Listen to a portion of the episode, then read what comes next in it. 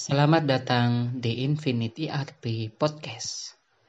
Pada episode kali ini, kita akan membahas faktor-faktor keberhasilan penerapan ERP dan faktor-faktor kegagalan dalam penerapan ERP.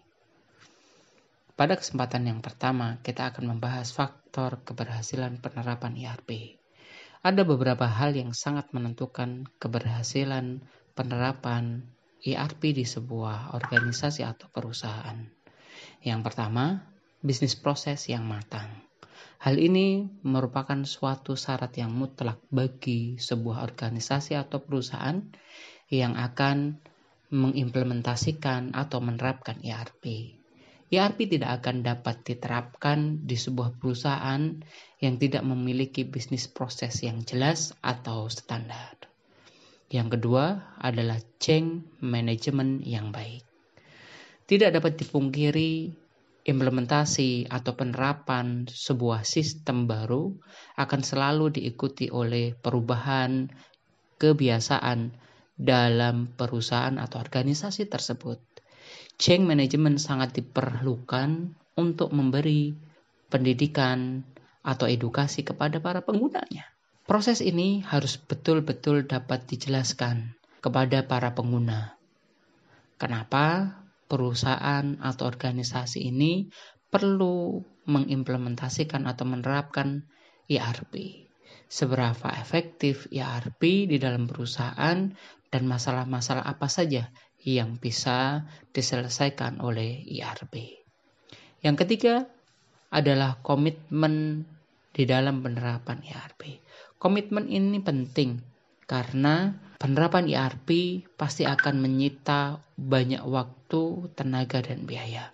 Komitmen dari pimpinan perusahaan hingga pengguna akhir yang bersentuhan langsung dengan ERP ini sangat diperlukan. Jika tidak, maka proses penerapan ERP akan memiliki banyak kendala. Yang keempat adalah kerjasama. Kerjasama dalam hal ini adalah kerjasama di dalam internal perusahaan maupun kerjasama antara perusahaan dengan konsultan atau developer yang melakukan penerapan ERP. Maka kerjasama ini diperlukan sehingga mempunyai tujuan yang sama, yaitu berhasilnya penerapan ERP dalam jangka waktu yang ditentukan dengan biaya yang sudah diprediksi. Yang kelima adalah portofolio dari developer atau konsultan. Pengalaman konsultan dalam menerapkan ERP ini sangat berpengaruh di dalam proses penerapan di dalam perusahaan tersebut. Misal, konsultan atau developer ini hanya pernah menerapkan ERP di bidang manufacturing saja. Maka ketika organisasi tersebut bukan hanya mempunyai cakupan sebagai produsen atau pabrik, tetapi juga mempunyai jaringan distribusi, maka pengalaman konsultan ini akan sangat membantu di dalam mengimplementasikan atau menerapkan ERP dengan baik. Demikian kesempatan pertama pembahasan kita tentang faktor keberhasilan dari penerapan ERP. Selanjutnya, faktor-faktor kegagalan penerapan dalam ERP. Dari berbagai penerapan ERP di perusahaan-perusahaan, pada akhirnya disimpulkan bahwa yang menjadi penyebab utama kegagalan penerapan dan instalasi ini ada beberapa faktor.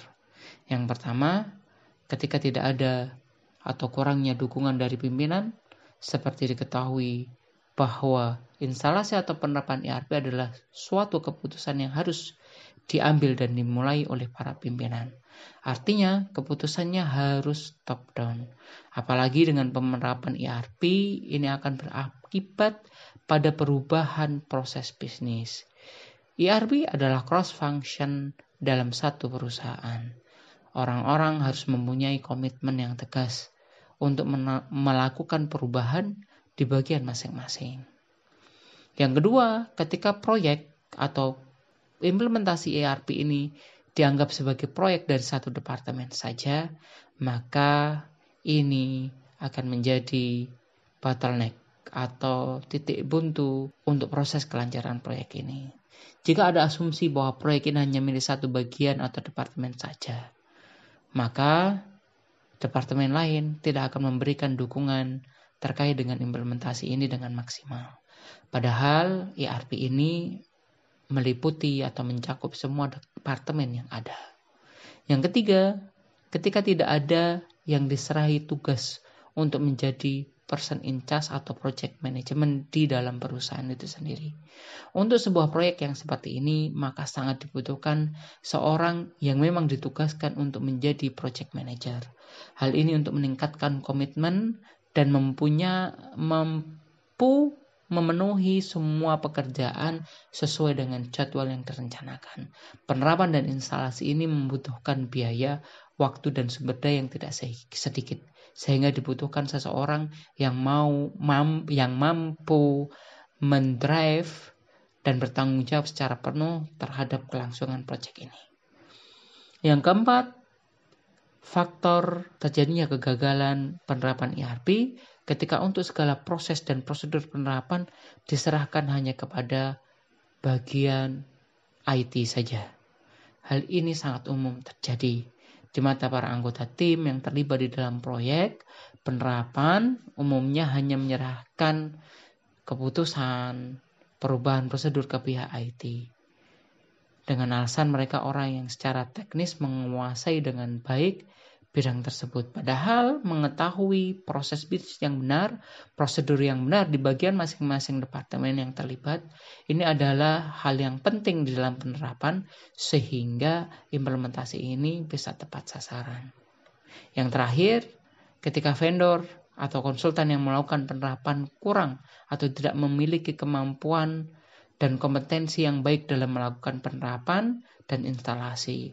Ini bukan hanya terkait dengan fungsional atau desain, tetapi juga kemampuan dalam menganalisa bisnis proses yang sudah ada dan mengestimasi atau mendesain proses yang nantinya akan menggunakan ERP.